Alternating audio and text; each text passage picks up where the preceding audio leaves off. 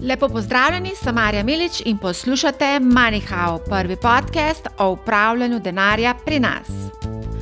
Zadnji mesec je bil kar precej pester. Denimo, prejšnji mesec, ko smo bili priča rekordnemu tečaju bitcoina pri dobrih 60 tisoč dolarjih za bitcoin, se je na ameriško borzo Nasdaq uvrstila kriptomenjalnica Coinbase, preko katere trguje tudi veliko slovencev.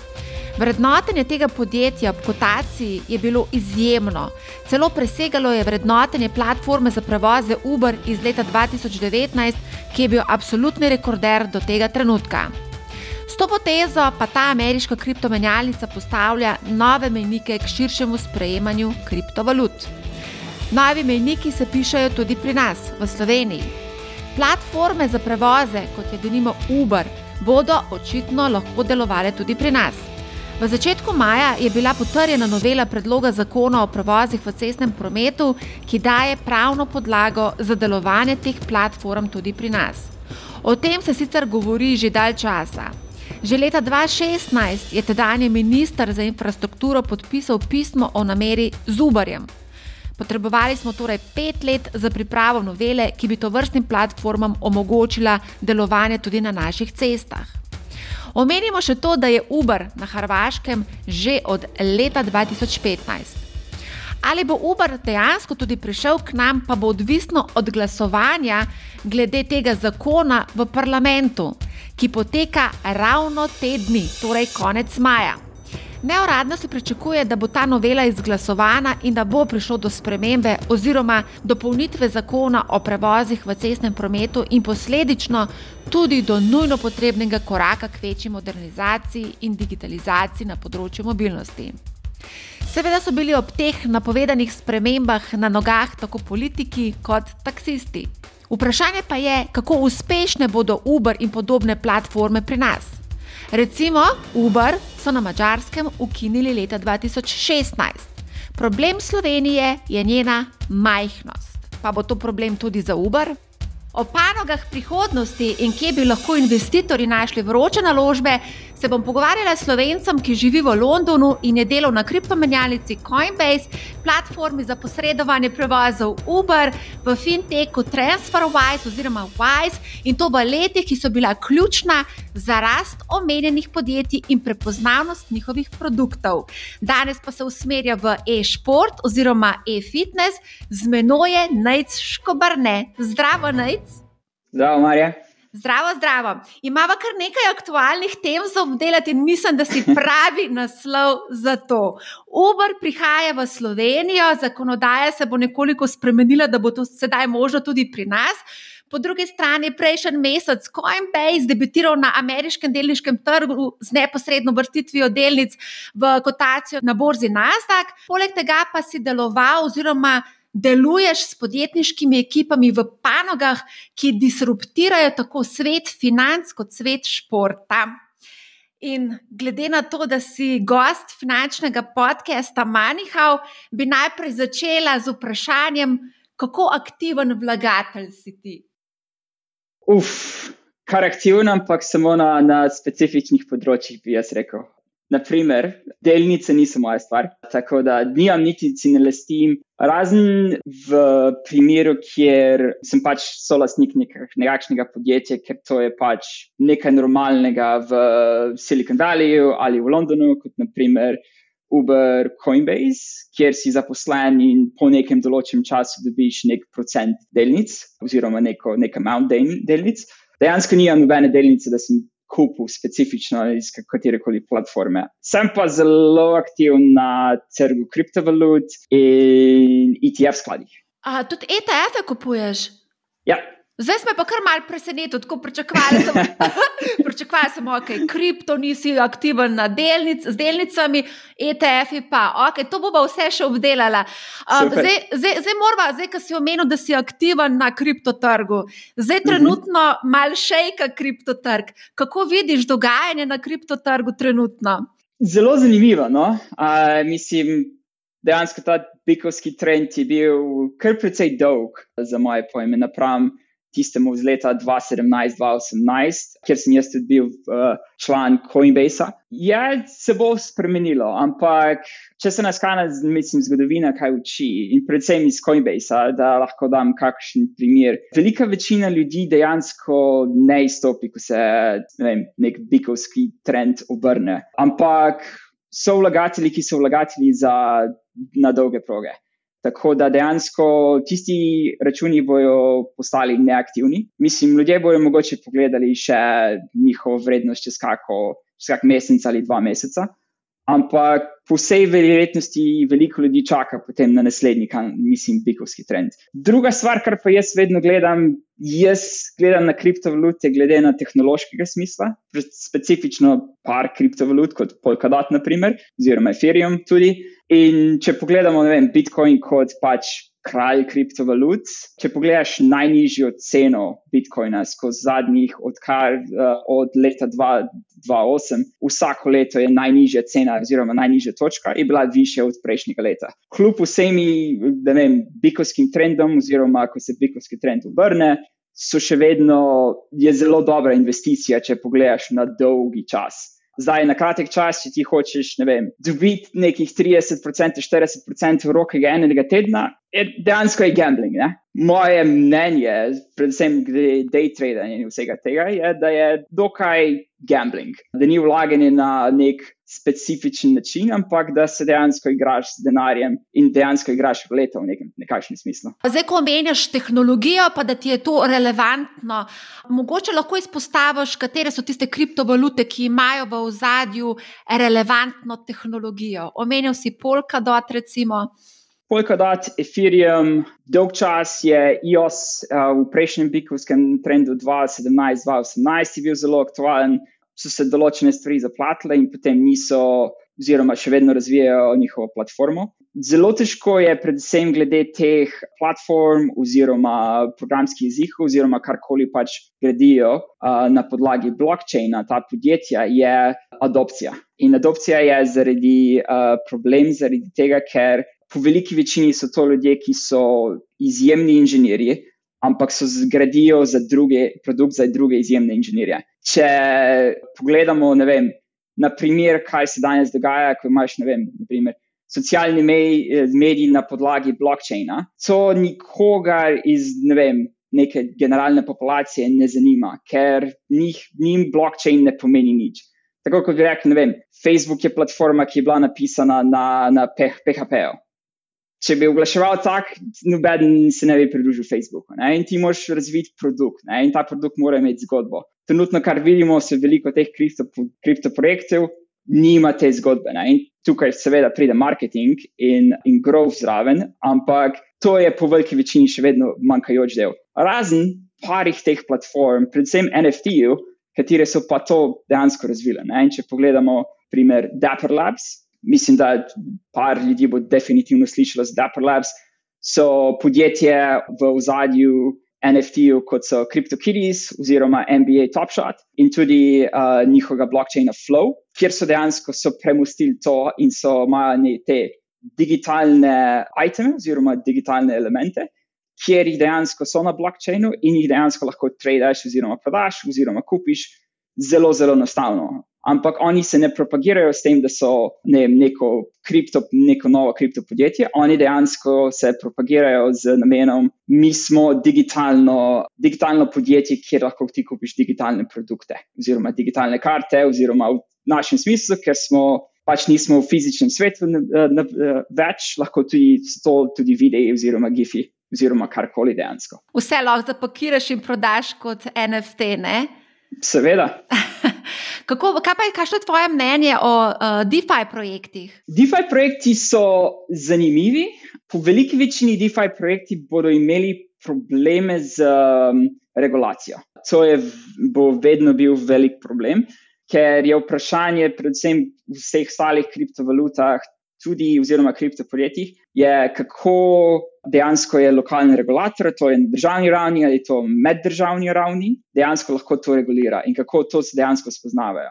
To smo videli na podlagi, ne vem, čezmejnih uh, transferjev denarja se tudi pozna. Ne? In so nekatere države so zelo razvite glede tega in razvijajo svoje pač zakone uh, v skladu s časom, nekatere ne. Da dam praktičen primer. Naprimer, mislim, da še dan danes, če hočeš ti poslati denar iz Japonske, recimo v Ameriko oziroma v Evropo, in si ti živiš na Japonskem, ti dejansko to ne moreš narediti, brez da bi se oglasil fizično nek, na neki lokaciji in pokazal svoj potni list oziroma svojo osebno izkaznico. Vsaj prvič, drugič, mogoče že, ker potem se spoznajo, ampak to ni mogoče. Naprimer, naprimer vem, v Veliki Britaniji, ki so dejansko zelo inovativni glede fintecha, na regulacijski ravni tudi, kjer lahko ti dejansko slikaš svoj potni list in na podlagi uh, machine learninga se že vse prebere, vse številke in vse, in te dejansko preverjajo z drugo kano, javno dostopno bazo podatkov, katero te lahko imajo, in tako dejansko dobijo nek KYC protokol. Na podlagi DeFi ta element bo zelo težko, kako bojo pač regulatorji to sprejeli. Ne? Ta verifikacijo, kdo je dejansko v zadju. Cela poanta kriptovalut je, da si pač anonimnost, ne? ampak ta anonimnost tem pač zgubi ker nekdo ima tvoje osebne podatke in tvoj osebni pač kriptoračun. To sem se pogovarjala z Matajem Tomažinom iz Ekonomija o anonimnosti. V bistvu se izgublja tudi v tem kriptosvetu ta anonimnost. Kako Seveda. pa recimo na Coinbaseu, a tam imajo podatke, lahko sledijo tebi kot vlagatelju in poročajo mogoče kakšnemu regulatorju za pranje denarja in uh, financiranje terorizma. Recimo. Ja, definitivno. Coinbase je verjetn, verjetno najbolj regulirana platforma od vseh. Je tudi naj, največja pač po številu uporabnikov, predvsem iz, na podlagi menjave iz fiat denarja v kriptodenar, uh, oziroma v kriptovalute. In da pač imaš ta postopek, moraš ti pač biti zelo kozi s tistim regulatorjem, ki je pač tam. Ne? In na podlagi tega je, da vsak, ki pač naredi to transakcijo, mora dati svoje podatke oziroma svoj osebni dokument. Oziroma v, na podlagi drugih višjih zneskov so potem potrebni tudi drugi, drugi dokumenti.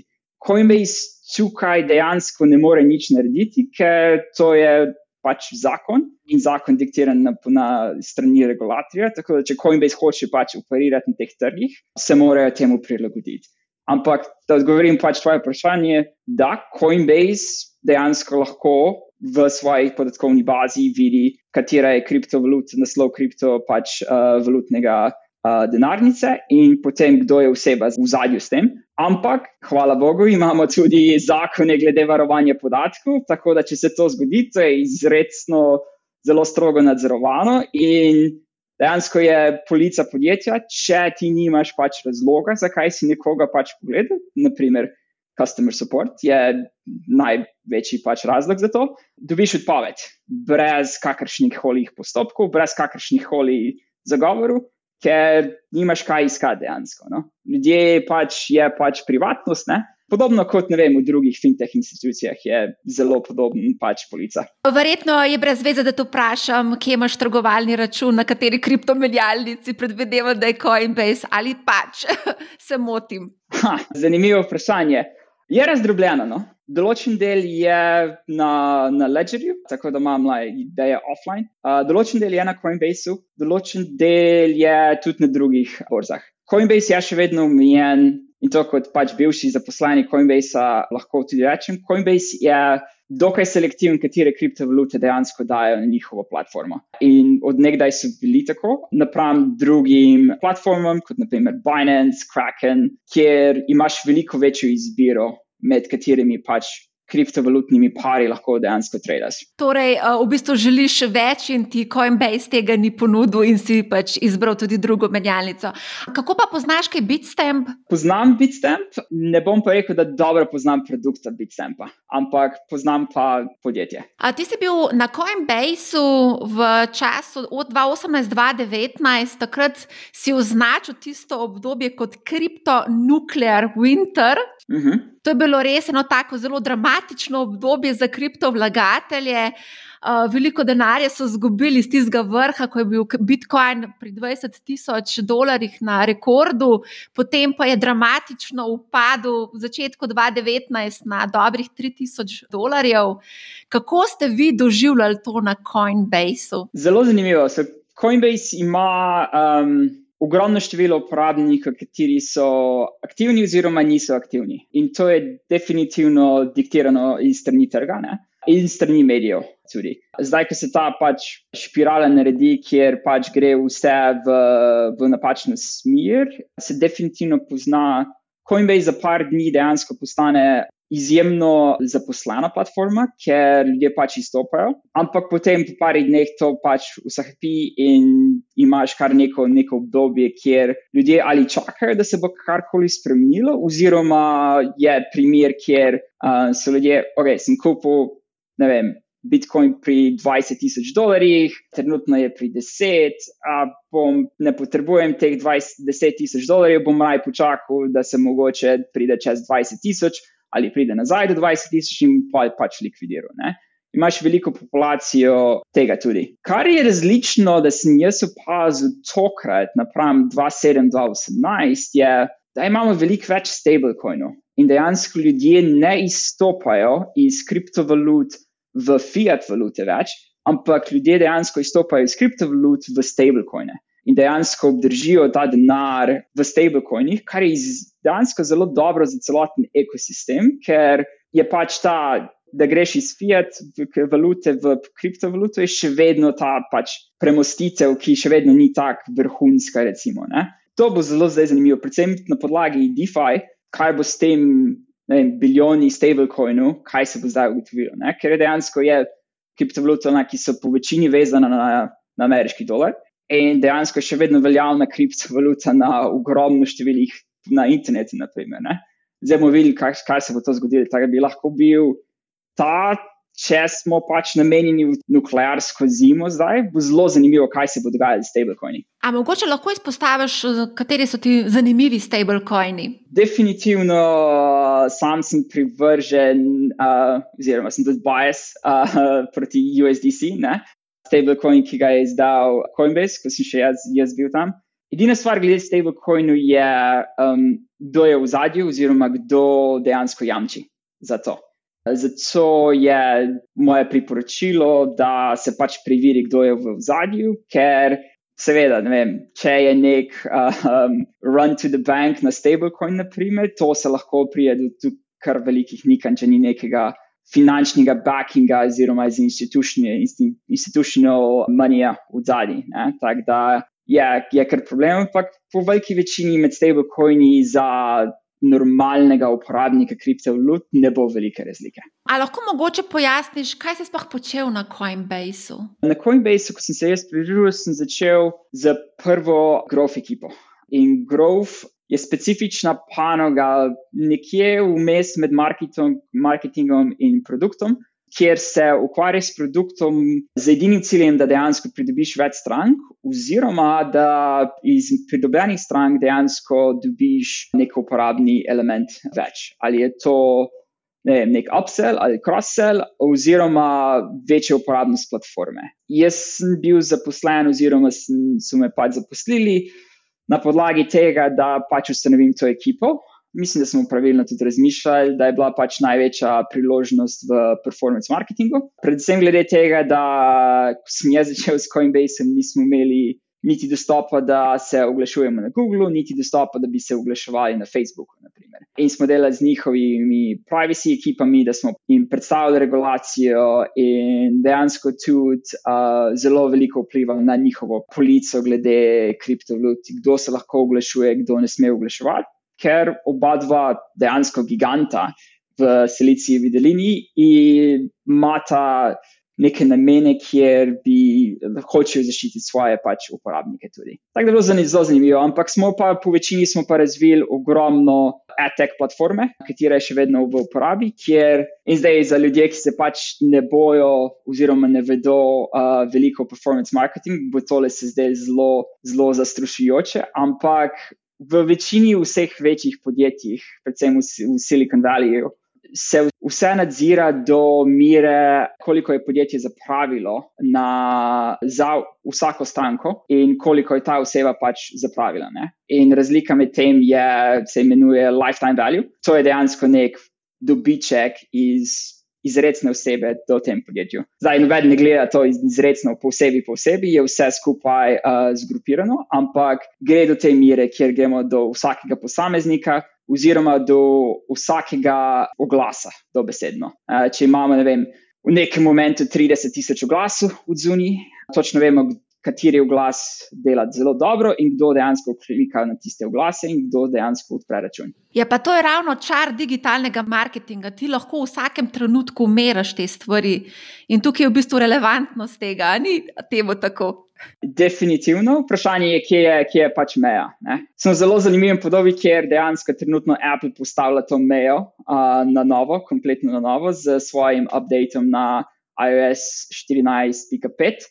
Mislim, da če sem prebral pravilno, 96 odstotkov ljudi ne bo dalo soglasja, da se dejansko lahko različne aplikacije ali so to socialni mediji oziroma so to neke uh, igre da jih da lahko dejansko deli, oziroma Apple deli pač neke določene stvari z pač oglaševalci. To bo precej zakompliciralo vaše življenje v marketingu. Iz marketingovskega smisla, definitivno mislim, da se uh, definitivno vračamo nazaj v svet, kjer bo uporabnik moral iskati nekaj, oziroma da se temu mi rečemo pull marketing. Napram, kjer smo pač bili zadnjih par let v push marketingu, kjer smo dejansko poskušali predvidevati, kaj se, zakaj bi se človek oziroma neka oseba lahko odločila oziroma kupila na različnih pač medijih, kjerkoli na internetu. Tako bo zelo zanimivo, kaj, kaj, se, bo, kaj se bo zgodilo. Bo ja, zanimivo opazovati. Mogoče, eh, verjetno, koga zanima, sploh mlajše, eh, mlajše poslušalce, kako sploh prideš do službe na Coinbase? A te v headhuntajo, se prijaviš na razpis, dobi, a, dobijo priporočilo, kako, kako si sploh dobil to službo?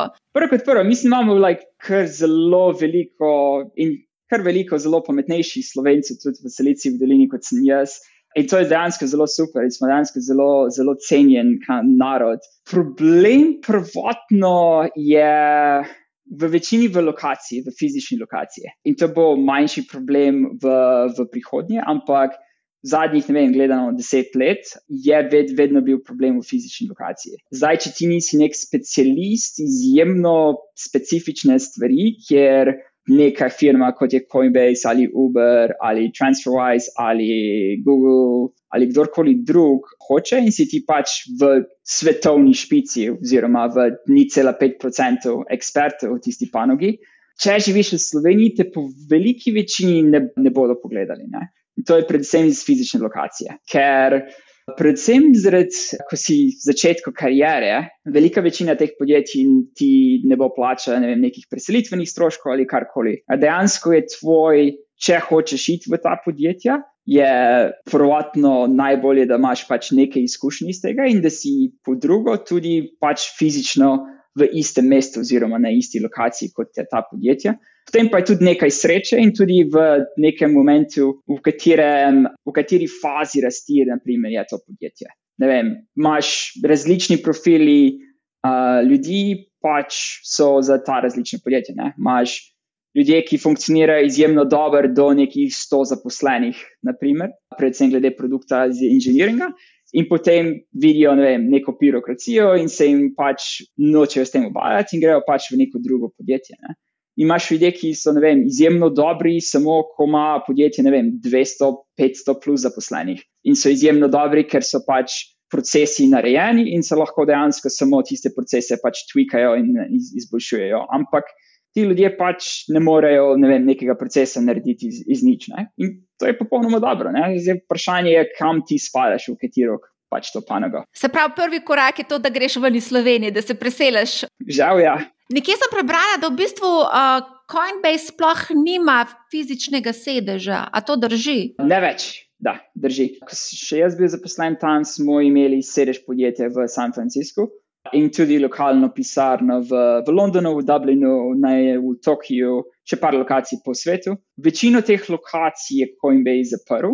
Coinbase je tudi, ker je pač kriptovalutna platforma, fizične lokacije za njih je dejansko tudi podlaga varnosti. In varnost vzemajo zelo, zelo resno, ker imaš tudi vem, problem, kjer bi ne vem, nekakšna tolpa prišla do HQ-ja v San Franciscu, oborožena, da bi dejansko hoteli Evropati, oziroma kljub temu, da v tistem vem, HQ ni bilo nič za Evropati, razen ogromno število tehnologije, oziroma laptopov in podobnih stvari. Ampak to jih verjetno ne bi ostalo, ne, če bi se nekdo odločil za to. Tako da je varnost fizične lokacije je tudi kar precej zelo pomembna. Tako da Coinbase se dejansko je vedno nagibal na tem, da pač ljudje delajo od kjerkoli pač so v neki, neki državi, po večini zaradi davčnih razlogov, da ne moreš biti omejen znotraj neke države. In potem biti eh, ti oni veliko raje, namesto da imajo fizično lokacijo, biti raje plačajo ne vem, neko naročnino na coworking space, naprimer, ne? če nočeš ti delati v doma, razen če hočeš delati doma, bi ti veliko raje, ne vem, dajo neko štipendijo, za, da si ti upremi svojo domačo pisarno. Preden greva zdaj potem naprej še na Uber, me zanima tvoje mnenje o tokenizaciji. Veliko kriptostrokovnjakov pravi, da se bodo delnice tokenizirale. Meni osebno bi bilo to super, zaradi tega, ker jaz tudi ne želim davka plačevati, ravno sem dobila položnico iz finančne uprave, ker moram plačati davek na kapitalski dobiček. Če bi bile pa delnice tokenizirane, bi se pa tudi mi lahko izognili plačilu davka predvidevam. Zaenkrat še, ja, ampak mislim, da se bo tudi ta, ta lup se bo enkrat zaprl. Saj je še drugačen lup, kateri so s kreditnimi karticami oziroma z debetnimi karticami s kriptovalutami, ne? kjer je trenutno. Mislim, da še ni nobena država dejansko uh, pogruntala, kako dejansko regulirati stvar, ne? ker je ti likvidiraš v tistem momentu in zdaj, kakšna je cena. Ne? Zdaj, da bi ti dejansko mogel poročati vse transakcije s tvoje debetne kartice, naprimer iz kriptovalute v fiat valuto, bi bilo ne vem, za nekega finančnega uradnika ogromno dela. Za, glede tokenizacije je meni dejansko bolj kot delnice, mi je zelo zanimivo, so nepremičnina, ker mislim, da je predvsem mlajše generacije bodo imele velik problem, da si pač privoščijo nepremičnino, oziroma da kupijo nepremičnino. Tako da jaz mislim, da bo to v prihodnosti bo veliko bolj, da bodo ljudje kupovali nek določen procent za tokenizacijo nepremičnine. Ali bodo uživali v tem, pač v tej nepremičnini ali ne, bo zelo zanimivo, ampak postaje zelo zanimivo, predvsem iz, uh, tudi iz vidika vem, teh globalnih mest, kot je New York, San Francisco, Miami, London, Pariz, Hongkong, Tokio, kjer si ti lahko lestiš ne vem, nek določen procent nebotičnika. Naprimer. In če ta nebotičnik se v nekem momentu pač prodaja in je cena zrasla, je to kar zelo dober zaslužek, napram nečemu, kar ti nikoli ne bi si mogel privoščiti. A v tem nebotičniku, če imaš token, lahko tudi živiš? Lahko, ampak imaš pač je ta pač glede organizacije, ta shared ownership, tako kot pride pač iz, iz regulacije. Predvsem bomo videli, kako se bo tudi to reguliralo na podlagi pač lokalne oziroma nacionalne regulacije. Kdaj pa misliš, da lahko vidimo prvič tokenizirane nepremičnine? Jih že vidimo v, v ZDA, naprimer. Se že dogaja. V ZDA je dejansko so glede določenih sprisov zelo libertarni, do te mere, da če se ne ostanemo samo na nebotičnikih, naprimer. Uh, Spencer Dwindle, kateri je NBA igralec, je dve leti nazaj, mislim, oziroma dve sezoni nazaj, je dejansko tokeniziral svojo pogodbo uh, z Brooklyn Nets v tistem momentu. Imel pogodbo, mislim, da je bilo za 4 leta za 20 milijonov dolarjev in jo je tokeniziral za. Ne dobil 18 ali 19 milijonov dolarjev, ampak je dobil vse, kar pač vnaprej. Ne? In zaradi tega so pač ljudje, ki pač si lastijo, glede tokenizacije te pogodbe, pač dobijo neke momente. Ne? In dejansko nek, nekako vodilo, glede skoraj kot posojilo v nekem momentu, ne? da se da, da, da malo malenkost poenostavim. Ampak to bo zelo zanimivo, kaj se bo zgodilo vnaprej, ne? glede tokenizacije. Definitivno je to za spremljati. Da mi povej, kakšno je pa tvoje mnenje o Dogecoinu? nikoli si nisem niti enega lestil, mislim, da je zelo zanimivo gibanje. Uh, mislim, da kriptovaluta sama po sebi, da če smo čisto iskreni, ni vredna nič. Uh, narejena je bila v roku dveh ur kot dejansko nek mim. Kar je pa z meni zelo zanimivo v zadju, je pa dejansko to gibanje kjer imaš predvsem v Gen Z generaciji, so določeni obrisi popolnoma nove kulturne v metaversu, katere mislim, da tudi mi, milenijci, dejansko ne razumemo, kaj šele ne vem, generacije pred nami. In ta doškojn je, na primer, en izmed teh stvari, kjer ne vem, neki digitalni elementi bodo v nekem momentu bili vredni. Kar veliko denarja. Uh, mislim, da je tako neko zanimivo stvar, kjer vem, čez 20 let imaš, ne vem, ok, si še vedno lastnim pet doškov in, podobnih stvari. Nek, kot smo mi, ne vem, ne vem najna generacija shranila oziroma kupovala neke sličice oziroma podobne stvari. Za njih je to podobna stvar, samo je komplet v digitalizaciji. Virtualno, ja, se strinjam. Ja. Nekje sem prebrala uh, tvoje mnenje in sicer, da je viralnost eden ključnih stebrov eksponentne rasti in tukaj je Dogecoin z Ilonom Maskom dosegel to viralnost, kljub temu, da ni v ozadju neke tehnologije, kot je sam rekel, da to ti je relevantno ne, pri kriptovalutah. Ja, in kljub temu, da je pač ustanovitelj Dožkojna prodal vse svoje Dožkojne, mislim, da 2017 že, oziroma karkoli. Tako da je zelo zanimivo, da dejansko je par pač Waylo, ki so ogromno profitirali glede tega, ampak ni pa ne vem, nek pač ta founder element, da se je pač zgodil, ne, ki je ne vem, nekdo odkril neko, neko stvar, oziroma izumil neko stvar in je po podlagi tega je pač se obogatil. Uh -huh. Ampak danes se mi zdi, da hitro dosežemo lahko to viralnost. Imamo TikTok, tam objaviš nekaj sekundni klip, tudi če je najbolj neumen, lahko postane viralen in ima milijone sledilcev, všečkov, lajkov, ne vem kaj, ne vse živa. Izjemno hitro se je, kako se vem, kultura zamenja. Ne? Imamo samo v nekem kulturnem zeitgeistu, kjer se stvari spremenjajo izjemno hitro. Ne? In to bo zelo zanimivo skozi naslednjih, ne vem, tri do pet let, kako bo to vplivalo na podjetja. Ker, če dam primer, naprimer Clubhouse. Clubhouse je aplikacija za, za tiste, ki ne poznajo, kjer je dejansko nek hibrid med podcasti in med, med socialnimi mediji, ampak so kompletno necenzurirani, kjer se vse dogaja v živo in imaš dejansko nek live streaming, ampak samo v, v glasovih, nimaš ne vem, nekega video feeda zraven. Aplikacija je dobesedno eksplodirala, ne vem, ko je bila vem, samo šest mesecev stara, do mere, da mislim, da so dosegli 30 milijonov downloadov v januarju uh, oziroma v februarju, na se je pač tak rast. Iz zelo hitro tudi ustavlja. In so, mislim, da so potem marca komaj naredili 9 milijonov downloadov, kaj je še ogrem, vedno ogromna številka, ne? in potem tudi v aprilu, mislim, samo 2,7. Ampak se vidi ta viralnost, ne? in ki je imaš, in predvsem bo problem za veliko podjetij, če produkt ni pripravljen. Temu mi v product managementu rečemo, da če produkt ni stiki, ker ljudje pač nočejo zamuditi, hočejo biti zraven, zraven imamo, vsi imamo FOMO. Ampak potem je odvisno od produkta, če se boš ti še vedno vrnil nazaj. Ne? In to bo velik problem Clubhouse, naprimer, bomo videli, kako bo to dejansko lahko rešili. Imamo še druge stvari, tak, naprimer, čisto ne vem, neki fresh. Trenutno, oziroma včeraj, aplikacija, ki je na top one most downloaded v Ameriki, je aplikacija, ki se reče Paparazzi, ki je nov socialni medij, katerega velika večina še ni zadnji slišala. Ne? Ampak njihova celotna strategija je bila, da so naredili waitlist 500 tisoč uporabnikov, izrecno iz, uh, iz TikToka. In v 12 urah, potem, ko so uh, launchali aplikacijo, so bili številka ena na najbolj downloadih uh, vseh aplikacij. In to je izjemno zanimivo. Vprašanje je, kako ta trend traja. Ne? Mi smo navajeni zadnjih 100 let, oziroma če pogledaj zadnjih 30 let, to se je zelo pohitrilo, ampak imaš ta pač ta rast korak za korakom v, za uporabnike. Tem, ko očitno velika večina stvari se zdaj spremenja, da imamo ne vem, neko izjemno hitro rast in pol tem je mogoče problem, ali pa niti ne, da se ne vem, pač število uporabnikov pade in potem moraš zgraditi nazaj. Dober primer tega je Snapchat. Ne?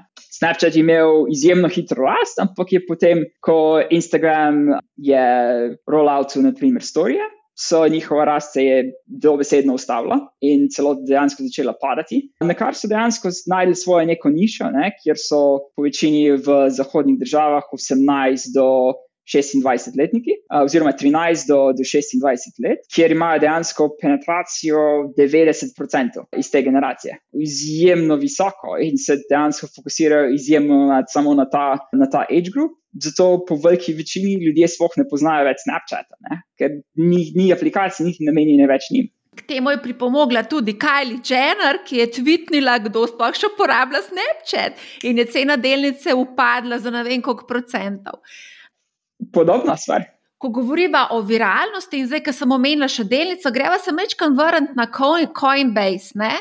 Um, IPO zgodbe so tako full vroče. Takrat, ko je bil IPO Coinbase, je cena delnice poskočila na 430, danes skotira pri 224, se pravi, da se je prepolovila vrednost, ne enako tudi tržna kapitalizacija, ki pa je konec koncev še zmer neverjetna. 47 milijard dolarjev. Kakšno je tvoje mnenje o tem? Mislim, so, to so nore evaluacije. Izjemno nore. Ej, ni bilo dolgo časa nazaj, ker je Apple je pač prišel čez dve trilijarde evaluacije in je bilo izjemno velik dogodek. Ne? In potem Microsoft pride čez in je že, ok, ne, smo, ne, taka stvar. Ne? Mislim, da je zelo zanimivo. Uh, moj velik pomislek glede tega je predvsem na, na ameriški trg, kakšno število, oziroma kakšno ogromno število kapitala je se pač iz zadnjih 18 mesecev pač prišlo na trg, je vprašanje inflacije. Ne? In kaj bo ta inflacija dejansko naredila z trgom? Mislim, da že trenutno pač vidimo neke obrise tega. Videli bomo, kak, kakšen je plan, da pač ti vzameš to ogromno število pač denarja, ki je trenutno v toku, in kaj bo dejansko to dejansko imelo tudi posledice na, na svetovno ekonomijo. Ker mislim, da imamo ne vem, iz nekega makroekonomskega smisla tudi Kitajska kot država, je izjemno dobro pozicionirana glede tega. Ne? In če je kaj, ameriški dolar je še vedno največja, oziroma svetovna valuta. Ne?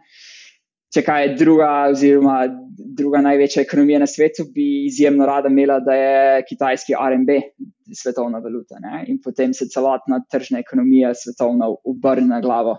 Dejansko. Prej sem jih omenil, da kot zaposlen Coinbase si tudi ti dobil delnice. A sem prav razumela? Ampak takrat nisi bil več na Coinbase, ko se je zgodil IPO. Ne, nisem. Naj razložim. To bo zelo zanimivo, dejansko, za, predvsem za mlajše. Dejansko, da sem popolnoma iskren, ne vem, kakšna je situacija v Sloveniji, niti v večini pač v centralno oziroma vzhodno uh, evropskih držav, glede tega. Ampak v Veliki Britaniji, v Franciji, v Španiji, predvsem v Ameriki, so podjetja, predvsem na začetku podjetja ne morejo konkurirati glede tvojega plačilnega zreda tako dobro kot naprimer Google, Apple. In naprimer, če si ti izjemno talentiran inženir, seveda te Google hoče imeti, da te zaposli, Apple podobno, Amazon podobno, Uber podobno. In ta podjetja so tista, ki so pač profitabilna, si lahko privoščijo zelo več, da ti dajo tvoj plačilni razred. Ne? Zdaj za startupe temu pač glede plačilnega razreda ne moreš konkurirati. Tako da je druga najboljša opcija, je, da pač ponudiš manj, ampak v zameno, da pač da te razlike, ti tudi ponudiš delnice tega podjetja. In tako po veliki večini imamo, ne vem, ko slišimo, ne vem, da se je zgodil IPO, nekega tehnološkega podjetja. Niso samo pač tisti ustanovitelji, kateri so pač profitirali iz tega, ampak po veliki večini so tudi ne vem, neki zgodno zaposleni ogromno profitirali glede tega. Je nekako ne vem, igranje tombole, ker nikoli ne veš, kako se bo pač stvar končala, ampak po veliki večini je, oziroma skoraj univerzalno je kako pač pridobiš ta neko delnice podjetja, je, da so razporejene oziroma za neko določeno vsoto delnic. Ta določena vsota je razporejena skozi tvoje prvi štiri leta v podjetju. Ker ti dejansko, če zapustiš podjetje pred 12 meseci, oziroma pred tvojim prvim letom, ne dobiš nobene delnice, oziroma dobiš 25% na obletnici, svoji prvi obletnici, na kar je potem dobiš vsak mesec določeno vsoto do tega pač četrtega, četrte obletnice, na kar pač dobiš nek nov grant podjetja. To je predvsem taktika, da podjetje zadržijo najboljši talent, angažiran in tudi v podjetju, ker so dejansko so velika večina zaposlenih je pač lasnik podjetja tudi ne? in imajo neko naravno inicijativo, da se podjetju gre dobro ne? in da delajo tudi izjemno, vem, izjemno ali dolgo ali trdo, vem, da se pač to podjetje razvija če dalje hitreje. Ne? Ker v nekem momentu ti lahko, ne vem, če si ti prišel v podjetje, ko je bilo podjetje vredno 100 milijonov dolarjev in če si ti pač dobil nek določen procent oziroma določen število delnic, ko je to podjetje, ne vem, pride na trg in je vredno, ne vem, 10 milijonov, je to tisočkrat več. Ne? In to je ogromno število. Ne? In potem imaš, ne vem, capital gains tax, račun je ogromen.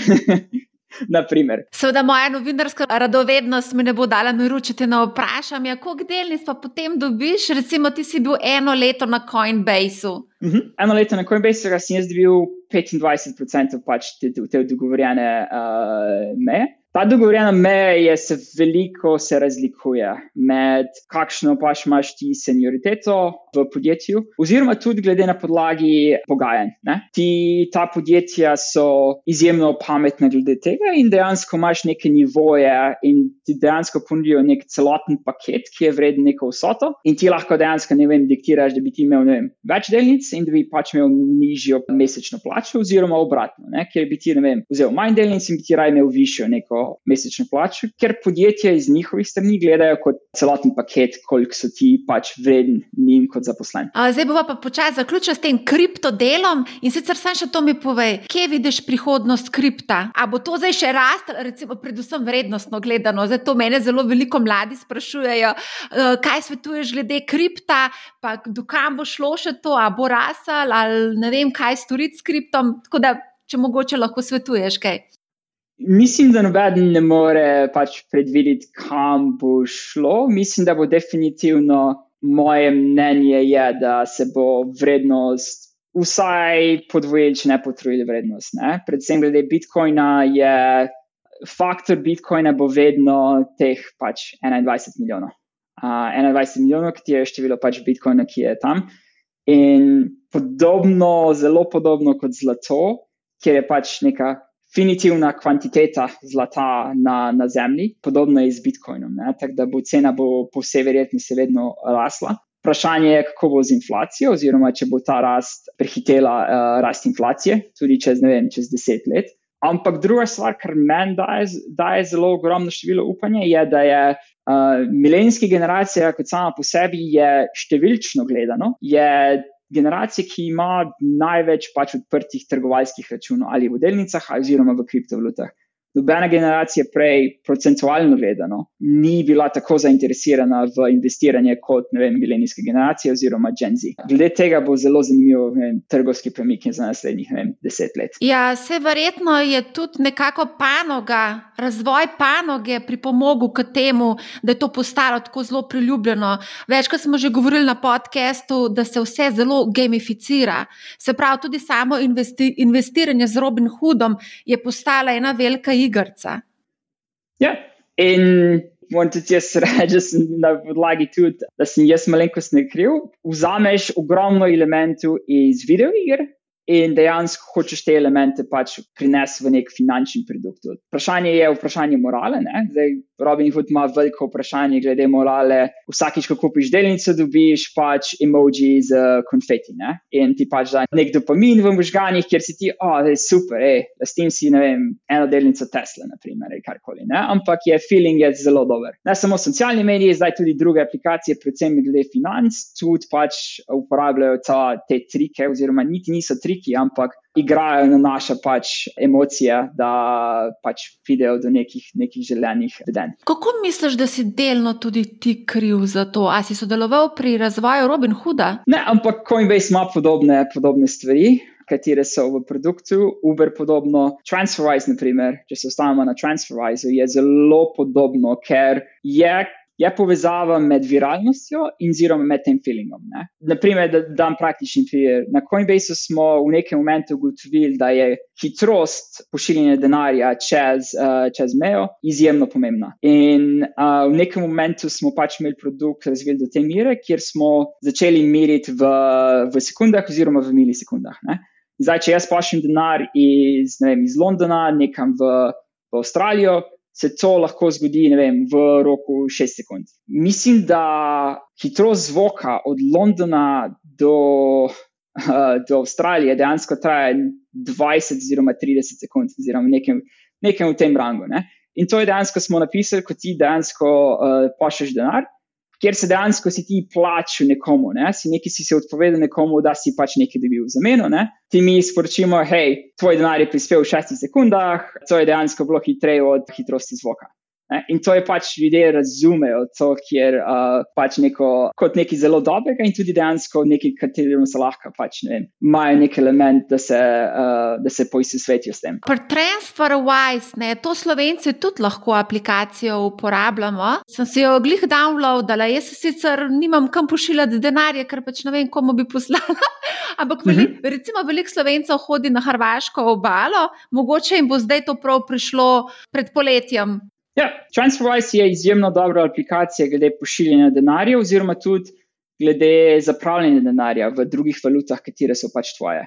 Poanta TransferWise je napram drugih, ne vem, bankam, Western Union in podobnim inštitucijam, je, da dejansko denar nikdar ne zapusti uh, mej države. Ampak uh, oni imajo tako veliko število uh, ljudi, da dejansko imaš Če, na primer, si mi dva pošiljamo denar, jaz bi nakazal svoj denar na uh, UK račun TransferWise in TransferWise bi dejansko izplačal denar tebi iz njihovega, ne vem, evro računa. Tako dejansko oni niso nikoli predstavili denarja, ker je ta, ta del je izjemno cenovno drag in za njih dejansko, medtem ko ta lokalni del iz evro računa do evro računa oziroma z, z funt funtovski račun do funtovski račun je dejansko zelo poceni. In na podlagi tega lahko oni dobijo, ne vem, desetkrat cenejše, uh, ponudijo desetkrat cenejše cene in tudi desetkrat hitrejše, ker denar dejansko ne zapusti mej države. Izjemno pač moraš poznati sistem, bančni sistem, da pač ugotoviš do tega in na podlagi tega dejansko, ne vem, hackaš v nekem pomenu dejansko bančni sistem. Ne, se to je v bistvu odlična ideja. Sem pa, sem pa rekla, ok, ali kako pa jaz dejansko res prihranim, če se zgodi ta transakcija Slovenija. Hrvaška in nisem našla teh prihrankov.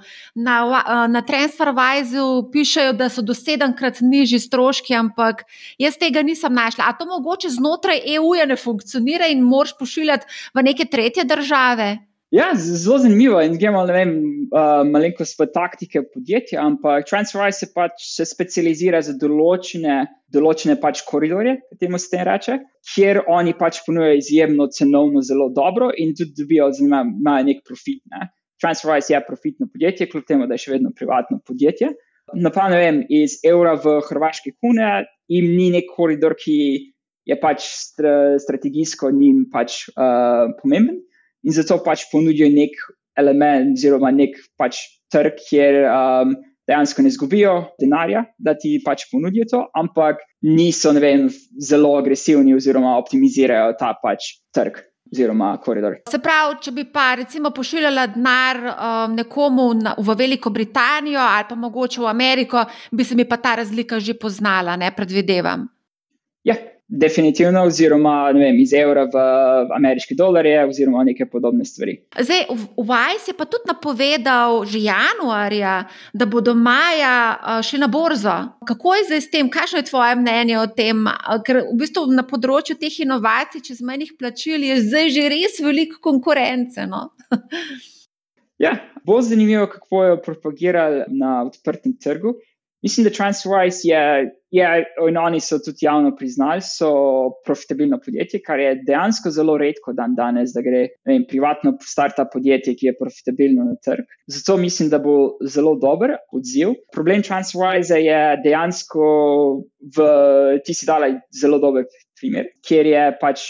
Kakšna je velikost trga? Ne? Vsak nima tega problema, da mora pošiljati ne vem, na neki regularnem času denar v tujino ali je to nek event, ki se zgodi enkrat na par let, oziroma enkrat v življenju, oziroma lahko tudi like, ne vem, nik, ni nekega use case, ne? da bi ga pač uporabljal pač platformo konsistentno. Ne? In to je pač njihova velika hiba in to je pač sam naravnost produkta. Napravim, ne vem, Uberju, kjer vsi moramo prijeti v nekem momentu, po večini večkrat na dan iz lokacije A v lokacijo B, kjer Uber je vedno ena izmed opcij. Ne? Ni edina opcija, ampak je pa ena izmed opcij, kjer lahko ne vem, konkuriraš. Tako da je trg za Uber je milijardo večji ne, na tem pomenu. Ne? Kot naprimer TransferWise. Kljub temu, da se konkurirate na kompletnih drugih področjih. No, zdaj, ko omenjaš Uber, tam si bil zaposlen od 2016 do 2018, pol leta potem, ko si zapustil podjetje, pa je Uber šel na borzo. Kot, mm -hmm. Trenutno kotira pri 50, v IPO je znašala cena 45 dolarjev. Se pravi, predvidevam, da si tudi tu dobil delnice, prej si omenil, da si ne. Tudi, tudi. Zdaj, kaj pa si konkretno počel na Uberju, podobno kot na Coinbaseu? Podobno, veliko več na čase preživel na kar mi rečemo lokalizacija oziroma internacionalizacija. Uber je zelo specifičen primer, kjer um, kot digitalni produkt ti vedno hočeš ustanoviti en produkt, ki lahko apliciraš na veliko več teritorijev, naprimer Facebook en produkt, ki je pač različen za vsakega od nas, ampak univerzalno dostopen do vseh po celotnem svetu, razen naprimer Kitajske. Napram Uberju, Uber je zelo lokalen produkt. Ne? In problem Uberja, oziroma še pred Uberjem, je vedno bil lokalnost oziroma lokalni prevozi. Izredno industrija, ki je ogromna, če jo pogledaš skupaj, ampak je izjemno fragmentirana ne samo na nacionalni ravni, ampak na lokalni ravni. In to prinaša Uberju kar velik problemov, predvsem glede regulacije, ne? ker vsakšna regulacija pomeni spremembo v produktu. Ne? Ti imaš en produkt za celoten svet in se to more pač uh, spremeniti. Napram tega se tudi vem, ljudje potujejo konstantno ne? in jim moraš dati neko določeno konsistentno izkušnjo. Tako da je kar velik problem glede tega. Ne? In različni, še, seveda, še enkrat, vem, regulatorji, predvsem na lokalni ravni, imajo pač različne zahteve. Vem, nekatere zahteve so, oziroma nekatere pač lokalne regulacije so še iz 60-ih oziroma 70-ih in nimajo nobenih smisla več, ampak noben pač ni tega trga se dotaknil in noben teh, tega ni disruptil. Ne? In zdaj imaš, ne vem, določen, ne vem, če damo primer Italije, uh, Uber v Italiji nikoli ni bil izjemno priljubljen in nikoli ni mogel, ne vem, svojega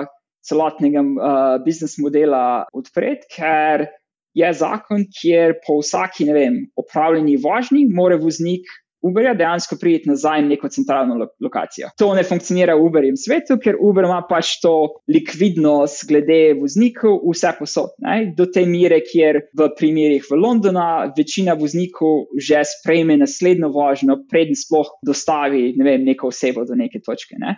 Imaš ta kompletna ideja Uberja, je vedno bila, da imaš pač tradicionalne taksiste, kjer preživijo dejansko do dve tretjine njihovega časa samo na čakanju na naslednjo pač vožnjo. Uber je pač to spremenil, da če si ti, ne vem, zaposlen 90% tistega časa, ne, mi lahko spustimo cene izjemno dol, kar pomeni, da se več ljudi lahko to privošči in več ljudi dejansko to uporablja in dejansko celoten trg se spremeni. Ne? Zdaj, to tradicionalnim taksistom ni všeč, ne? ker oni so pač visoke cene, dve tretjine pač čakaš, ampak to vzameš v zameno. Na kar pride Uber na trg, kjer so cene izjemno cenovne, usvojijo dejansko trg. Ne?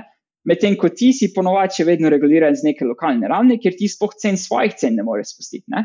In dejansko postane ta pač frikcija zelo hitro, ne? ker se pač lokalni oziroma nacionalni regulati potem začnejo, um, seveda se morajo biti zraven in potem je ali se najde neka rešitev oziroma se pač, ne vem, kot naprimer v Nemčiji, kjer je bil Uber dolg oziroma Uber model izjemno dolgo časa prepovedan, Italija podobno, ne? oziroma se pač prilagodi, ne? kjer ne vem, primer v Franciji, ne? zdaj Uber je izjemno regulirana stvar, ampak je še vedno Uber lahko svoj model uporablja. No, se tudi v Sloveniji je dosti podobna situacija.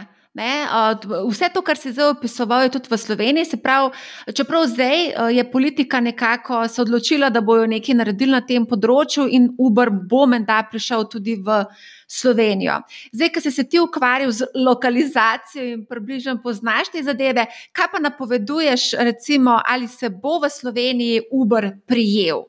Mislim, da se bo v neki omejeni velikosti In problem celotnega pač biznis modela Uberja v Sloveniji je velikost. In to je samo so fizične pač omejenosti. Ne?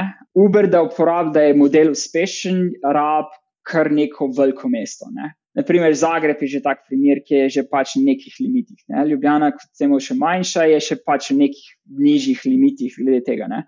Rabiš ti neko velikost mesta, da je pač model uspešen, ker drugače pač vozniki Uberja oziroma Uber partnerji ne bodo zaslužili dovolj na, na tej platformi in bodo naravno pač ne bodo vozili več za ta platformo. Nimajo nobenih obligacij, seveda, ne? zato so like, zaposleni kot, kot SP in lahko delajo, kdaj hočejo, oziroma tudi prekinejo delo, kdaj želijo. Zato bo zelo zanimivo, kaj bo. Mislim, da Uber bo po vsej verjetnosti prišel tudi z Uber Eatsom, roko v roki, katera je pač njihova panoga glede dostave hrane, katera mislim, da je dejansko za večino centralne Evrope dejansko zelo, do, zelo uh, zanimiva, kjer še ena podobna stvar, ne, kjer trg izjemno fragmentira na milijon ponudnikov, ali ima ponudnik sam neko dostavo hrane, in zdaj imaš ti neko, neko konsolidacijo tega vsega na eni platformi, ne, in ti lahko vem, izbiraš med različnimi restauracijami. Zato bo to zelo zanimivo, kaj se bo zgodilo. Ampak mislim, da bo Uber bo vstopil z obema produktoma naenkrat, ker bo rabil oba produkta, vem, da bo trg pač dovolj velik. Ja, pri nas je kar prijel Volt, pa je hrana, ne, dostava hrane, to se je kar prijelo. Še kaj sem opazila v enem od tvojih opisov, mislim, da na tvojem profilu, ne vem, če ni bilo to na LinkedIn-u, si napisal. In to me je malo presenetilo, da je bil eden najbolj všečkanih in retvitenih tvitev o Uberju prav tvoj tweet, ne? ampak nik nikjer pa nisem našla, kaj je bilo zapisano, pa koliko ljudi je to všečkali in retvitali. Tako povem, ja, mislim, da je bilo, ne še Twitter bil mal, malenkost drugačen, ampak je bil dejansko. Post, ki ga je prevzel Justin Bieber, Jana Grande in še par drugih ljudi, kjer smo Dejansko ni bila, ne vem, ni neka, neka vesela situacija, žal. Mislim, da je bilo 2018, ko je bil teroristični napad na, v Manchesteru na koncertu Ariane Grande in potem je Uber pač ponudil kar ogromno število za stojn vožen. Ko se kakš, taka, takšna situacija zgodi, je operacija Uberja je, je zelo težko pač konkurirati, ker sem si na udaru medijih, ne, kjer Uberjeva platforma dela, kjer imaš ti, vem, ponudnike, pač voznike in pač ne, imaš riderje. Ne? In če imaš več pač ljudi, ki potrebujejo vožnjo, cena avtomatično, avtomatično poskoči. In zdaj to na podlagi turistične napake je moralno narobe. Ne? Ampak sistem je zastavljen tako, da mora pač nekdo intervirati ročno. In tudi, če to traja, ne vem, deset minut, da se to zgodi, je si pač na udaru pač medijev. To je bila podobna situacija, kjer smo pač uh, na drugi strani, Uber pač postane zelo dobrodelen po tistem, ker ali prifandamo vsem, ki so pač bili izpostavljeni tej situaciji, kot drugi pa, ne vem, v podmiru. Ariane, Ariane Grande in uh, Justin Bieber, kjer sta imela potem koncert, mislim, da teden kasneje v Manchesteru, smo vsem, ki so pač šli na to lokacijo, pač tudi za stojn do lokacije, oziroma iz lokacije, tudi mi ponudili za stojn prevozen prevozništvo. Ne? In to je bila zelo taka, ne vem, gesta, katere mi nismo uh, pričakovali, da bi karkoli mi dobili, kar veliko, ne? ampak očitno je bila Justin Bieber in še parim zvezdnikom zelo všeč. No, jaz, ko sem to prebrala, sem rekla, o, zanimivo, da si to dal v opisu profila svojega. In v bistvu sem nekako tako rekla, da okay, če je uspel uh, Jacku Dorsiju, recimo iz uh, soustanovitelja Twittera, Twitterja, prodati svoj prvi tweet za 2,4 milijona dolarjev, bi mogoče tudi ti lahko svoj tweet prodal prodal Uberju za par milijonov, bi naredil non-fungible token in ga prodal. Ne. To je bila pač sama ena taka asociacija, ampak zdaj ne vem, če bi to rad ali glede na, glede na zadnje zgodbe. ja, v zadnje zgodbe žal, žal ni neko srečno, srečno dogodje. Ja. Ampak ti tudi pove, kar se ne vem. Te platforme, kljub temu, da so velike tehnološke, se bojujejo s temi stvarmi, ne, dnevno. Veš, kaj me še zanima? Vem, da si tudi zelo aktiven uh, na področju svetovanja, mentoriranja start-upom. In uh -huh. uh, zadnje čase se mi zdi, da je zelo veliko samorogov, povsod so nekje samorogi, nekje rastejo. Nekako po eni strani, ko razmišljaš o vsej tej poplavi informacij, ponudbe inovativnih rešitev, da je v bistvu in pa tudi našega kratkega, tega pozornostnega horizonta, da je v mhm. bistvu težko narediti eno globalno uspešno zgodbo. Pa pa, kam večkrat bolj razmisliš, pa ugotoviš, da je v bistvu kar zelo veliko ljudem uspel narediti v kratkem času nore zgodbe. Recimo George Clooney je uspel s tekilo ali pa uh, Jessica Alba, ki je naredila linijo naravnih izdelkov. Mislim, da je prejšnji mhm. teden debitirala, uh, je imela IPO 1,5 milijarde dolarjev. Uh, Kakšno je tvoje mnenje o tem, ali res rastejo unikorni kot gobe po dežju? Mislim, da se bo v zadnjih 5-6 let in verjetno za naslednje desetletje smo v neki veliki informaciji defragmentacije oziroma fragmentacije. Ne? Velike števile ponudnikov, kjer internet je prišel do, predvsem z mobilno tehnologijo, do te mere, kjer lahko kupimo nekaj in tudi dobimo to dostavljeno v dokaj zelo dobrem času. Ne? In na podlagi tega so te, se veliko teh podjetij se pač lansira, ne? ker ti lahko ustanoviš neko svoje podjetje, kjer ti nisi pač. Vem, če zavrtimo čas 20 let nazaj, je vedno problem, če ti hočeš, ne vem, nek, imaš nek fizični produkt, da ti prodaš ta fizični produkt, moraš ti prijeti v nek supermarket. Ne? Zdaj, na supermarketu je pač ti se moraš upovedati v ogromnem številu svojega pač dobička. Poleg tega je pač lobiranje, ki je na policiji, si, ali si na, na ravni učes, ali si v zgori, ali si v spodi. In je ogromen pač lobby, ne? in to vsako podjetje pač dela. Ne? Zdaj na internetu tega pač ni več, ne? ti se lahko propagiraš, propagiraš, kako ti, ti samem paše. In, in pač druga stvar, ki je pač pripomogla temu, je tudi dostava. Ne? Zdaj, Amazon, ki žal ni v Sloveniji, ampak Amazon, ne vem, v večini pač v zahodnih državah in v Ameriki, večino stvari lahko dobiš, ne vem, ali v roku dveh ur, oziroma če ne naslednji dan. In ne samo naslednji delovni dan, ampak naslednji dan, ali to sobota ali nedelja. Ne? Po zelo konkurenčnih cenah napram supermarketu. Ne? In uh, Jeff Bezos je v zadnjem pač, um, zapisu investitorjem dejansko dal zelo dober primer. Njihov servis, kateremu se reče Amazon Prime, ki stane 79 uh, dolarjev oziroma funtov na leto, da ti pač omogoča to, da ti ne plačuješ te pušnine. Uh, on dejansko razmišlja v tem v, na podlagi časa. On smatra, da ti uporabiš, glede njihove podatke, med 5 in 12 minutami, da se ti pač odloči, da ti kupiš nekaj ne? na, na Amazonu. Ne? In zdaj, če ti to študiraš, like, koliko pač stvari kupiš ti skozi celotno leto, napravim, da se ti usedeš v svoj avto, oziroma da greš ti na, vem, do lokalnega supermarketa, da ostaneš v tistem supermarketu, vem, da rečemo, da to traja 15 minut ti ostaneš v supermarketu, po vsej verjetnosti še dodatnih 15 minut, da imamo minimalne čase, ne? pa da priješ, ti greš nazaj še enih 15 minut. Imaš okoli 45 minut do ure, da zgubiš. Da, če to narediš, koliko, koliko krat ti pač kupiš to stvar in koliko se to zgodi. Napram 79 dolarjem, da ti prihraniš ta celoten čas, te 45 minut pride do tebe, 5 do 12 minut, je to 30 minut vsakeč, ko se to zgodi. Zdaj ti to pogledaš skozi celotno leto, je to izjemno dobra pač ponudba, ne? kjer imaš. Tako da mislim, da je, je, je stvar dveh stvari. Ne? Je stvar, kjer pač dostopnost je veliko večja, glede, in to je predvsem glede mobilnega interneta, in druga stvar, infrastruktura glede logistike je izjemno boljša, kjer je bila deset let nazaj, ker imamo zdaj pač dokaj hitre pač, uh, logistične verige. Da pride stvar do tebe v nekem času, v katerem pač ti še vedno smatraš, da okay, je to super. Zato mislim, da bo če dalje več teh podjetij. Ne? Zato tudi mislim, da je v, predvsem v Sloveniji, mislim, da bo, I mean, je samo vprašanje časa, no? dejansko, da nekdo dobi pač ne, nek svetovno uspešen produkt, ki je lociran, proizvajan, lociran v Sloveniji in tudi pač dispečen po večini iz Slovenije. Zato mislim, da je še vedno pač moment, kjer. Slovenci po nekem defaultu razmišljamo vem, na slovenski trg, na mestu, da bi razmišljali vem, na globalni oziroma evropski trg. Ne? Je velika razlika med razmišljanjem 2 milijona ljudi in 350 milijonov ljudi na evropskem trgu. Ne? Je ogromna razlika, kako ti razmišljaš glede tega. Ne? In zato mislim, da ljudje oziroma podjetniki ne smejo razmišljati, začeti razmišljati, da bomo usvojili slovenski trg. Direktno na evropski trg, ali če ne na svetovni trg, iz, iz prvega koraka.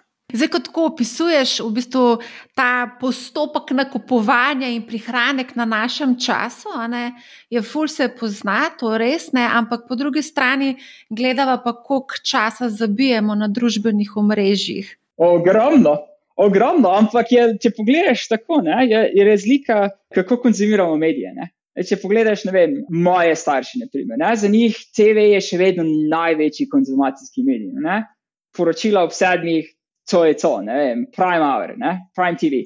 Potem za moje generacije je kompletno drugače, ker jaz konzumiram medije. Ne? Ampak v nekem momentu mislim, da če se povzamemo vse to skupaj, mi konzumiramo definitivno več.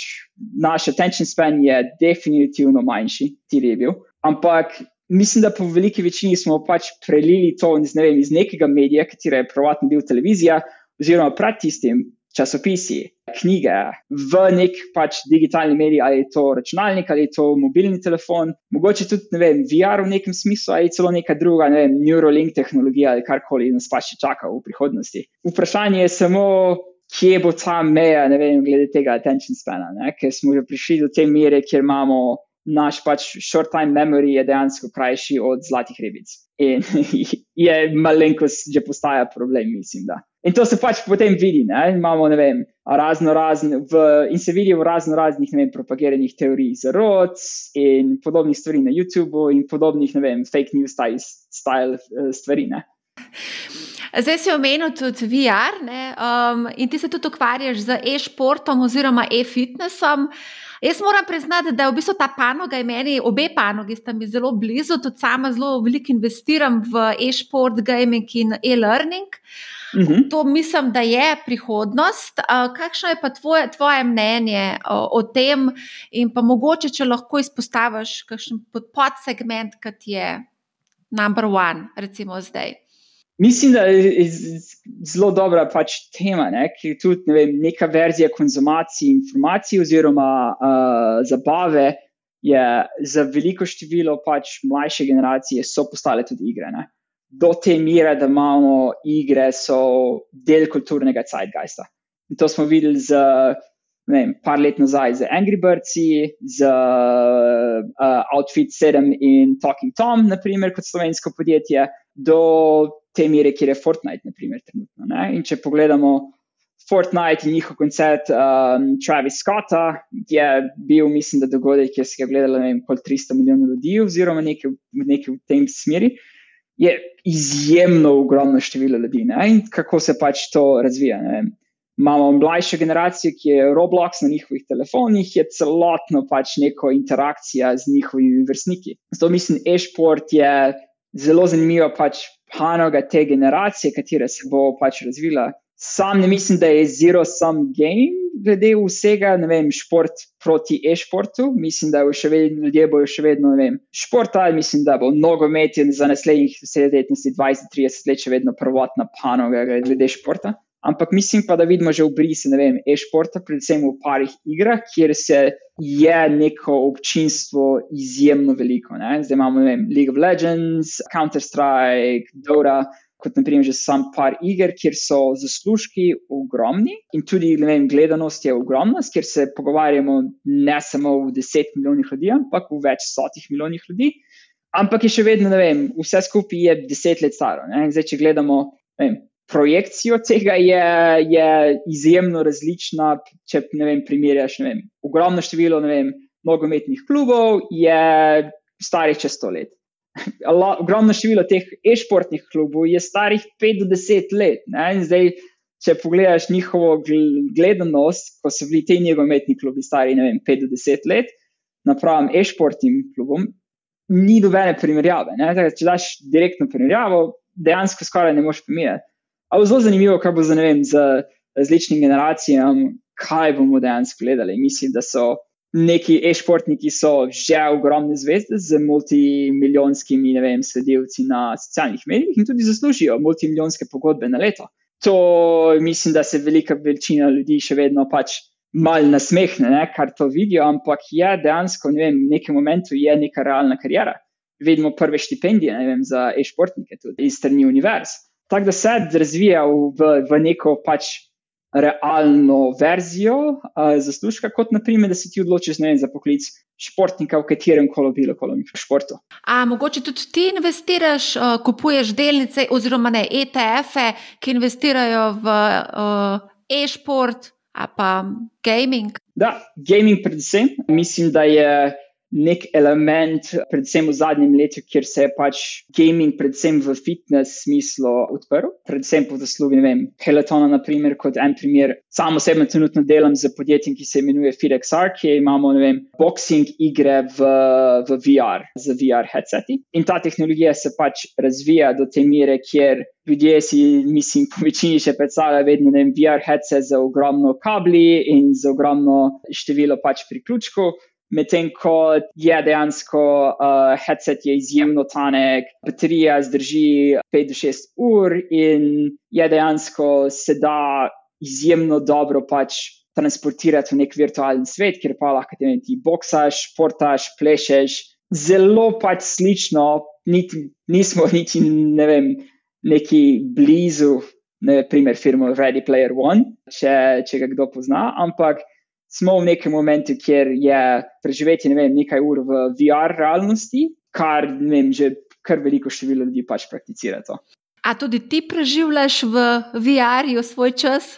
Kaj, kar ne vem, bi rekel, precej preveč časa. Ampak igre postanejo različne. Na mesto miške in tipkovnice imaš ti, oziroma tvojega mobilnega telefona, si ti v igri. Ne? In vsak tvoj gib predstavlja ne vem, neko, neko stvar. Kar če pogledamo vem, na net vrednosti vem, kalorij pokurjenih, je to ogromna razlika. Medtem, ko si ti v nekem v sedečem stanju in ti premikaš vem, samo svoje dlani, dejansko, kot da ti vem, dobesedno malenko skačeš levo, desno na, v, v rangu dveh metrov in da se izogibaš stvarem, oziroma da boksaš stvari. Da, Ne vem, se igraš lahko streljstvo in podobne stvari. Mislim, da je tak nek naslednja verzija uh, gaminga, ampak kot večino ne bo za vse. Ne? Podobno kot konzole niso za, za vsakogar in ljudje pač preferirajo, da pač igrajo vem, na računalniku. Ja, koliko pa recimo stane en tak uh, VR fitness? Igre trenutno so ali na pač naročnino, ki je pač neko določen znesek na mesec, oziroma so, da ti pač uplačaš za igro v, v naprej. Tako da je to je pač dva različna biznis modela in odvisno pač od kdo je pač studio uh, zadaj te igre, kakšen pač biznis model oni uporabljajo. Slično kot vem, drugim igram na drugih platformah. Ti si menda, to sem tudi prebrala na Googlu. Pri 16 letih si v diaškem domu začel svojo prvo digitalno, recimo, temu podjetniško pot. Lahko mogoče kaj več poveš o tem? Ni bilo neki, neke podjetniške, velike podjetniške poti. Mislim, da v tistem momentu si bila kar veliko vredna strani, ki se jim reče affiliate strani. SEO oziroma Search Engine Optimization na Googlu je takrat bil kar različen in ga je bilo. Algoritem Google je bilo dokaj enostavno pogruntati.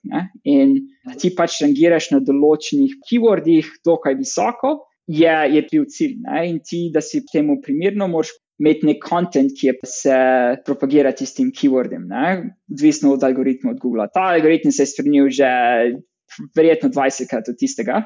Ampak v tistem momentu je zapisana beseda je bila pač največ vredna. In moja prva podjetniška taka uh, inovacija je bila, da smo par prijateljev, da smo ustvarili bloge. In smo ustvarili bloge za določene število stvari, In ti blogi so imeli povezave, katere so pač imeli tracking cookie do nekih uh, spletnih trgovin. In ker mi smo imeli pač pogodbo oziroma razmerje s to spletno trgovino, smo mi dobili nek procent, če se je prodaja to zgodila. In temu mi rečemo affiliate marketing. In smo delali različne produkte od, vem, avtosedežev za, za otroke, kjer je pač sedež stane neko določeno število denarja in mi smo dobili določen dolg procent mi smo naredili našo raziskavo, glede katere, na katerih keywordih hočemo mi reagirati in kakšno vsebino moramo mi zapisati, da pač pridemo do teh mire. Ja, koliko časa pa ti že živiš v Londonu? V Londonu sem zdaj že, mislim, 8 ali 9 let. Izven Slovenije sem že dejansko 11-12 let. Tako da slovenščina mi počasi dela malenkostne težave, zato nisem več completely fluent. Mislim, da je angliščina že, že nekaj časa prevzela moj prvotni jezik. Prej si bil pa tudi na švedskem, če sem prav prebrala. Tudi živel na švedskem, delal za podjetje, ki ga mogoče kar veliko število poslušalcev pozna, imenuje se Electrolux. In oni proizvajajo kuhinjske aparate, male oziroma velike kuhinjske aparate, direktni konkurent Gorenju, naprimer. Ampak sem še pred, pred tistim še živel v Avstriji, v Nemčiji in v parih zvezdnih državah v, v Ameriki. Ja, kje si pa potem zaključil šolanje? Zanimivo vprašanje. Dejansko nisem nikoli zaključil šolanja. Sem študiral na ekonomsko-poslovni fakulteti v Mariboru, ampak zaključil, sem zaključil vse moje predmete, ampak nikoli nisem uspel spisati svoje diplomske naloge. To je stvar, ki me mogoče še kdaj čaka, ali mogoče ne, ampak v svoji karieri nikoli nisem imel ne, nekakšne potrebe. Ogromna razlika, kako se zaposluje ljudi v tujini, napram v Sloveniji, in kakšne potrdila, oziroma kaj so pač te reference, da ti dobiš pač to vstopno karto do intervjuja. So, to se izjemno razlikuje, kot sem jaz pač. Slišal v Sloveniji, naprimer. Ampak, glej, na tvojem LinkedIn profilu imaš ti, ne vem, 20 plus različnih programov, upravljenih, različnih izobraževanj, certifikatov, tako da si zelo veliko časa vse investiral v izobraževanje. Uh -huh. Mislim, da je velika razlika je, uh, dan danes in to bo tudi za naslednje generacije zelo zanimivo. Je investiranje v svoje izobraževanje v, v drugačnih namenih kot pač tradicionalno, ne vem, visokošolsko uh, izobraževanje. Mislim, da srednja šola in ta koncept se nikoli ne bo spremenil. Rabiš neko, pač neko podlago znanja glede vsega. Ne? In tudi, če ljudje ne, ne hočejo, oziroma ne vidijo smisla poznati integralih, se dejansko dobro, da se jih naučimo v nekem momentu. Napram visokošolskim izobraževanjem, potem mislim, da je velika razlika v, v naslednjih letih, predvsem glede tehnoloških poklicev, kjer je praksa dejansko. Izjemno pomembna, ker se pač področje konstantno spremenja, uh, napram nekem teoretičnem znanju. Medtem ko za nekatere poklice, osebno mislim, da naprimer medicina, pravo, bo vedno bilo ne, neko teoretično znanje, ki bo vedno potrebno. Ne? Ampak, če ne vem, nekdo hoče biti programer, dejansko.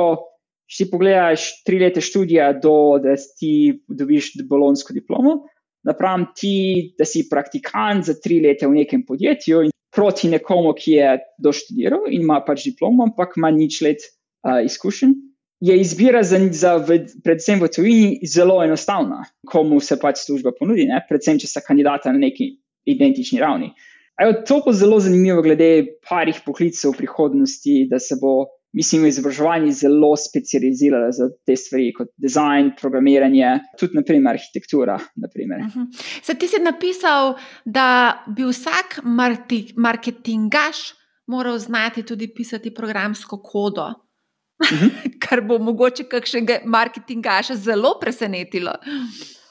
Sam mislim, da tudi se bo koncept, ko verjetno zelo malenkost kontroverzen. Mislim, da marketing kot panoga se zelo razvija in se dejansko razceplja na dve, na dve panoge. In se razceplja na panoga glede operativni marketing na brand marketing.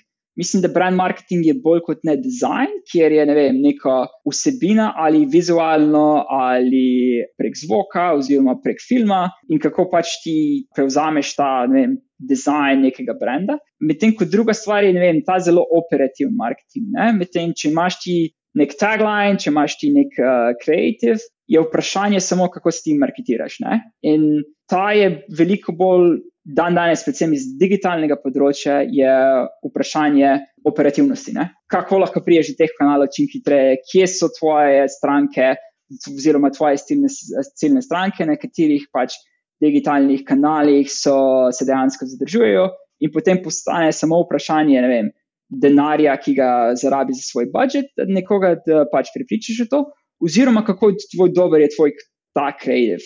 In zato, da ti poznaš, kako pisati kodo, oziroma vsaj brati kodo za različne skripte, je izjemno pomembno, predvsem v tujini.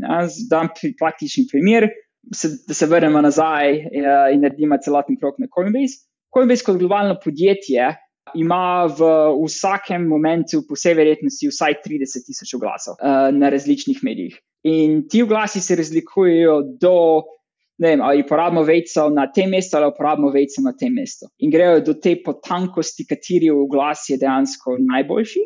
In ko se ta test zaključi, je en oglas, kateri se pač da ogromno število, pač ogromno procent tega plačeta za tisti oglas, ker imaš pač znanstveni dokaz, da ta oglas je najboljši pač za neko določeno osebo oziroma za neko določeno področje.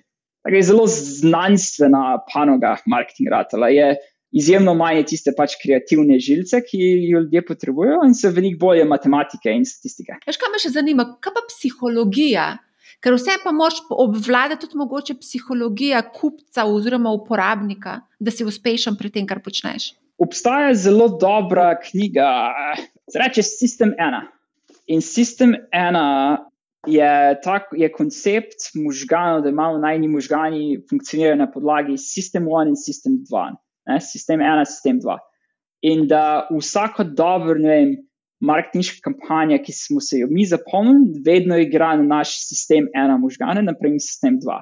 System 2 možgani so, ne vem, reklama, katero mi vidimo, imamo dejansko, ne vem, aktivno razmišlja, da dejansko razumemo, kaj je ta produkt, oziroma kaj ta produkt sploh lahko počne in kaj nam lahko prinese. Teko sistem ena so dejansko nekaj, kar mi zastopimo brez problema. Zdaj, nekateri brani so pač komplet postali sistem ena. Naprimer, če vzamemo Coca-Cola, ti dobiš obris steklenice od Coca-Cola, vsak razume, ok, Coca-Cola. Brez da bi ti sploh pomislil na to. Ne? Imamo v Sloveniji imamo par takih primerov, naprimer, vem, Radenska kot, kot brand, eh, naprimer. ampak obstaja pa ogromno število teh drugih brandov, kjer imamo vem, sistem 2, kjer imamo dejansko aktivno misliti za nekih momentov. Ne? In so da neki psihološki elementi, katerih še vedno lahko vplivamo, ne? predvsem akcijske cene. Naprimer. Ampak, če si pogledamo, vem, tipična reklama za supermarket je. Cena jajc je znižena za 30%, ne? in zdaj ti ok, kul. Cool super, razumem točno, da je poceni, da je dobra akcija, ampak potem začnem razmišljati, ok, ali sploh potrebujem jajce za naslednji teden ali karkoli. Ampak je cena pač tista akcijska cena, nas še vedno prepriča, napram oglasen za avtomobilom. Smo vedno, ne vem, manufakturji avtomobilov, vedno stremijo nekaj, ne vem, odprtim cestam, ker vsi vemo, da bomo v nekem momentu v, v, pač v neki gneči in da to ne bo dobro, zato moramo dati, da smo odprti. Če kupiš ta avtomobil, bomo imeli odprte ceste in na ta način se pač hočejo, da se mi poisti svetmo. Da, če se jaz usedem v avto, se pač svet odpre vem, za, za mene.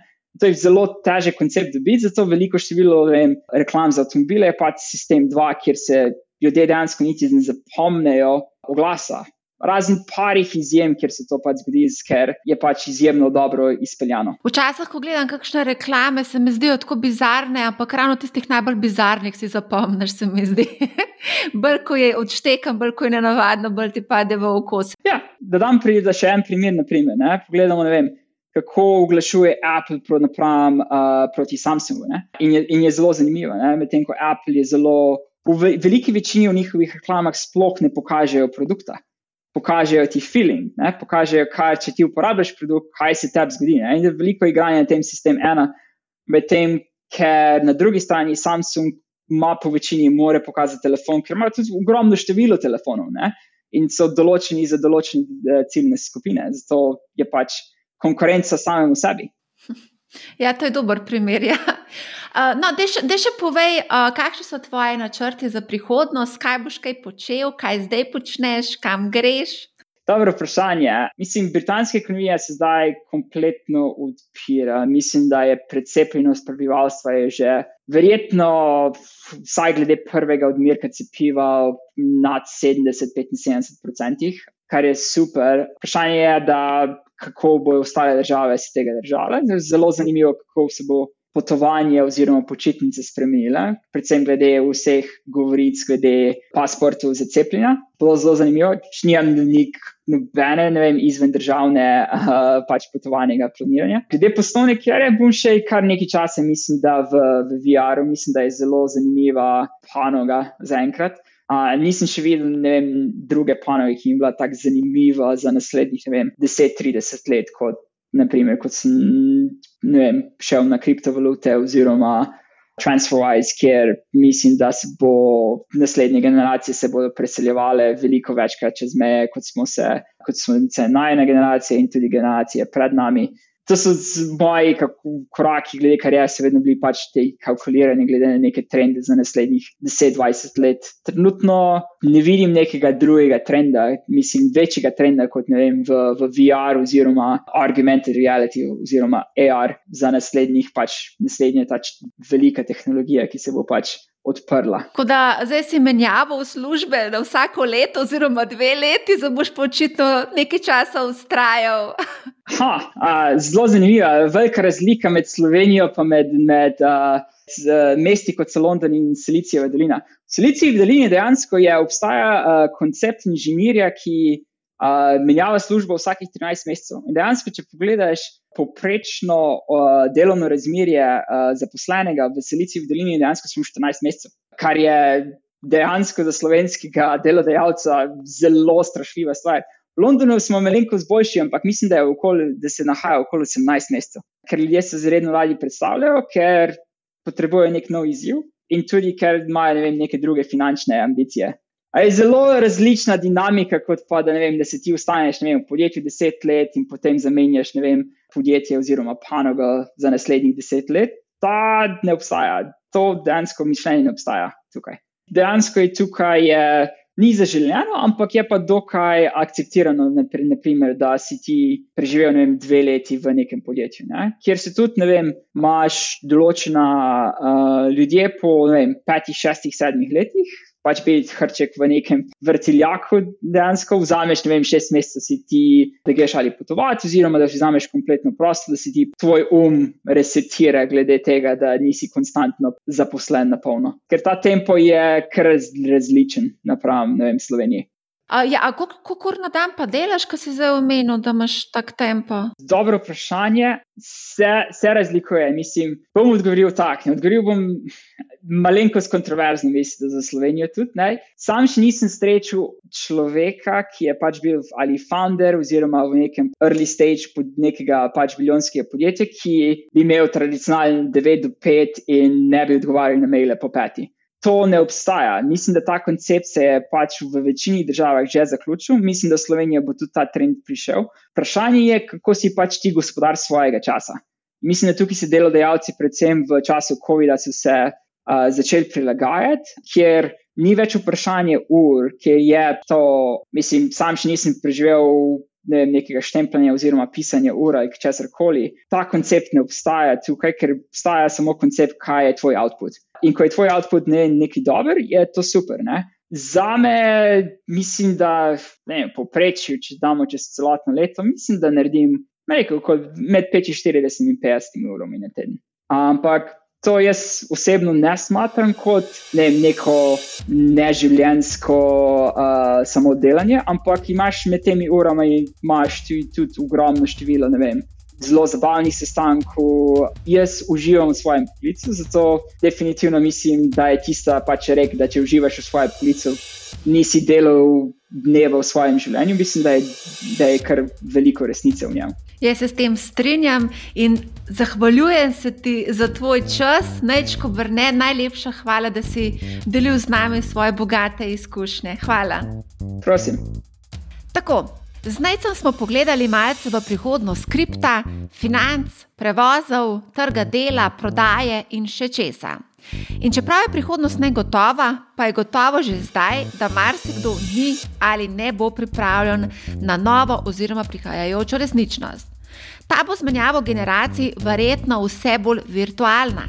Marsikoga ob tem strese. Tudi, ko pomislim na 85-letno teto, se mi zdi, da so družbena omrežja ali e-banke, ki so za nas nekaj posebno vsakdanjega, za njo znanstvena fantastika. Kaj bomo mi počeli pri 85 letih? se bomo čudili temu, kako bodo naši vnuki hodili na počitnice na Mars, medtem ko smo mi poležavali na hrvaški obali. Spreminja se svet, spreminja se človeštvo, spreminjajo se navade. Če imate kakršno koli vprašanje, mi pišite na marja.atnabusinessspace.com ali preko katerega od družbenih omrežij. Naročite se na Manihau, zelo bom vesela, če boste posredovali informacijo o podkastu prijateljem, znancem, sorodnikom in vsem, za katere menite, da bi jim vsebina lahko koristila. Poslušajte Manihau, ne bo vam žal. Lep pozdrav!